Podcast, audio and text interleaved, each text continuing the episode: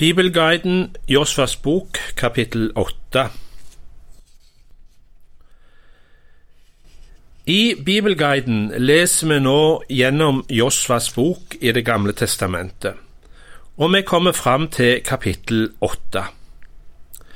I det siste kapittelet har vi hørt om nederlaget i slaget om byen Ai, og hvordan Akans ulydighet og synd førte til at soldatene måtte rømme og flere ble drept av fienden.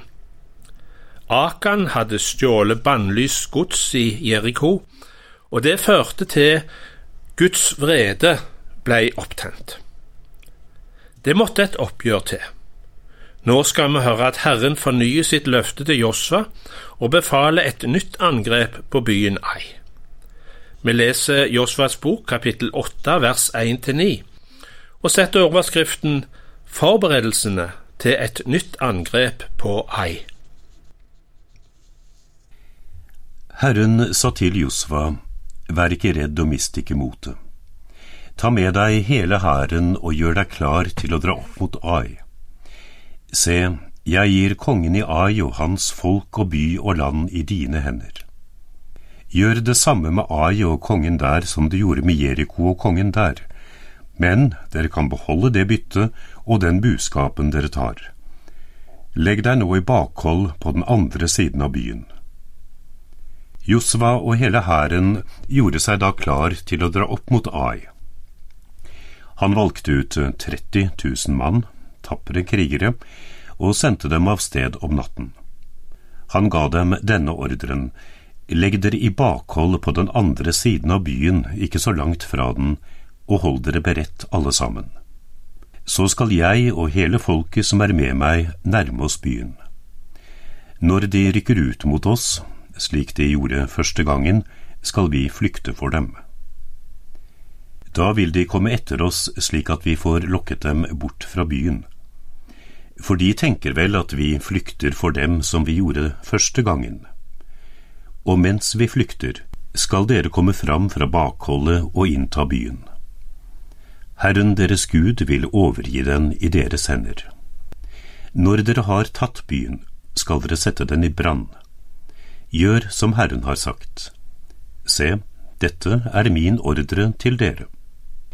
Så sendte Josva dem av sted, og de gikk og la seg i bakhold vest for Ai, mellom Betel og Ai. Den natten tilbrakte Josva hos hæren. Det er mye krigshistorie å lese her i Josvas bok og ellers i Det gamle testamentet. Metoder og strategier de avspeiler datidens tanker og samfunnsmoral. I slaget ved Ai går Josva fram både med list og med rå krigsmakt, får vi høre. Vi leser nå versene 10 til 23. Byen Ai blir inntatt og kongen tatt til fange. Neste morgen sto Josva tidlig opp og mønstret hæren. Så dro han og de eldste i Israel i spissen for hæren opp mot Ai. Hele hæren som var med ham, rykket fram til de kom så nær at de hadde byen rett foran seg. De slo leir nord for Ai, med en dal mellom seg og byen. Så tok Josfa omkring 5000 mann og la dem i bakhold vest for Ai, mellom Betel og Ai. Hæren tok oppstilling, en avdeling nord for byen og en i bakhold vest for byen. Den natten gikk Josva ned i dalen. Da kongen i Ai så dette, rykket mennene i byen raskt ut for å møte israelittene i strid tidlig om morgenen. Kongen og hele hans hær dro ut til samlingsplassen rett mot Arabasletten. Han visste ikke at det lå folk i bakhold på den andre siden av byen. Josva og hele Israel lot som om de ble slått, og flyktet foran dem mot ørkenen. Alt mannskap i byen var utkalt for å forfølge dem. De forfulgte Josva, og de ble lokket bort fra byen. Ikke én mann ble igjen i Ai, alle dro ut etter israelittene. De lot byen ligge åpen og forfulgte Israel. Da sa Herren til Josva, Rekk sabelen du har i hånden ut mot Ai, for nå vil jeg gi byen i dine hender. Josva rakte sabelen han hadde i hånden ut mot byen. I det samme han rakte hånden ut, reiste de som lå i bakhold seg hurtig fra skjulestedet sitt og stormet inn i byen. De inntok den og satte den straks i brann. Da mennene fra Ai snudde seg, fikk de se røyken fra byen stige opp mot himmelen, men de hadde ikke noe sted å flykte, verken hit eller dit, for den hæren som hadde flyktet ut i ørkenen, vendte seg nå mot forfølgerne.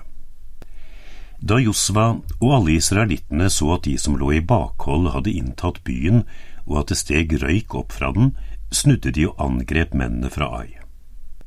De andre rykket ut mot dem fra byen. De var omringet av israelitter, både fra den ene og fra den andre kanten. De hogg dem ned slik at ingen overlevde eller slapp unna. Men kongen i Ai ble fanget levende, og de førte ham til Josva.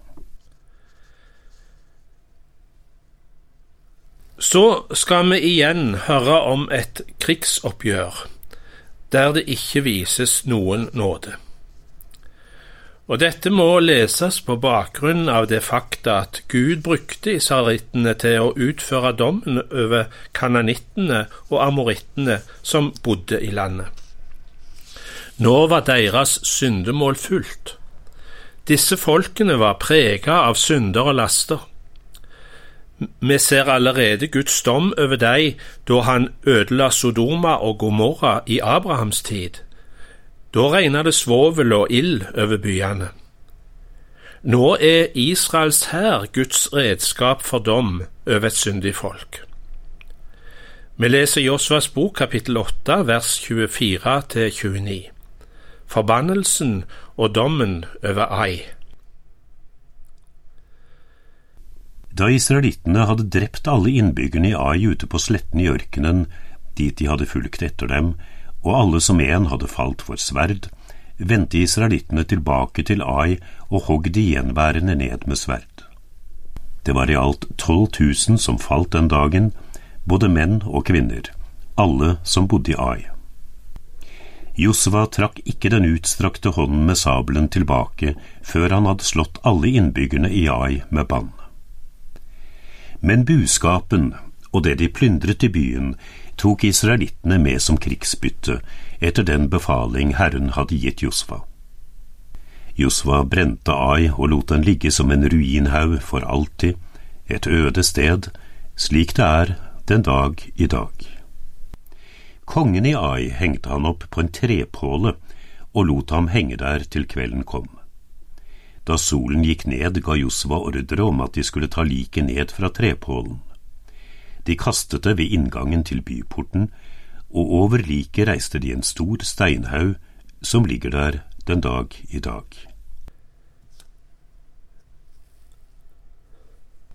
Etter at Jeriko og Ai var beseira, lå veien åpen for israelittene inn til landet og opp i fjellene, der Ebal ligger, og der de etter Mose påbud skulle bygge et alter som markerte en helligdom.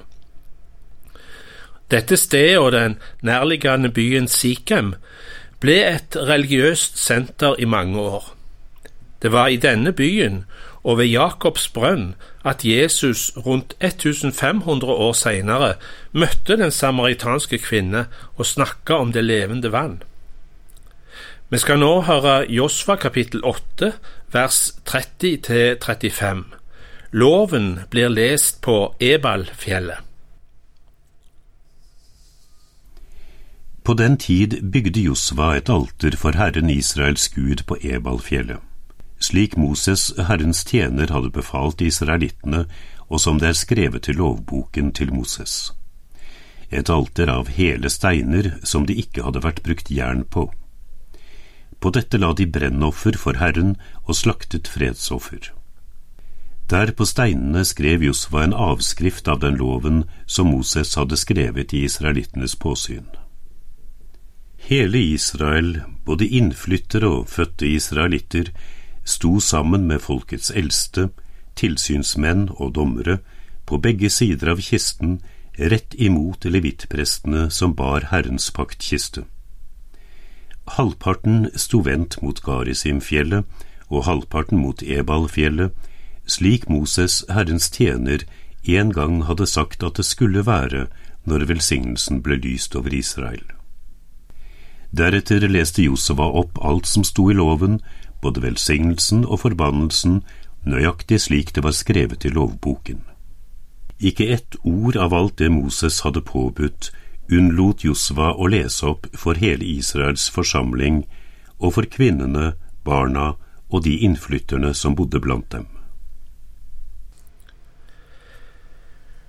Du hører på Bibelguiden i Petro, der vi nå leser Josfas bok. I neste program så starter vi på Josfas bokas beretning om felttoget imot sør, der annet Jerusalem ble inntatt.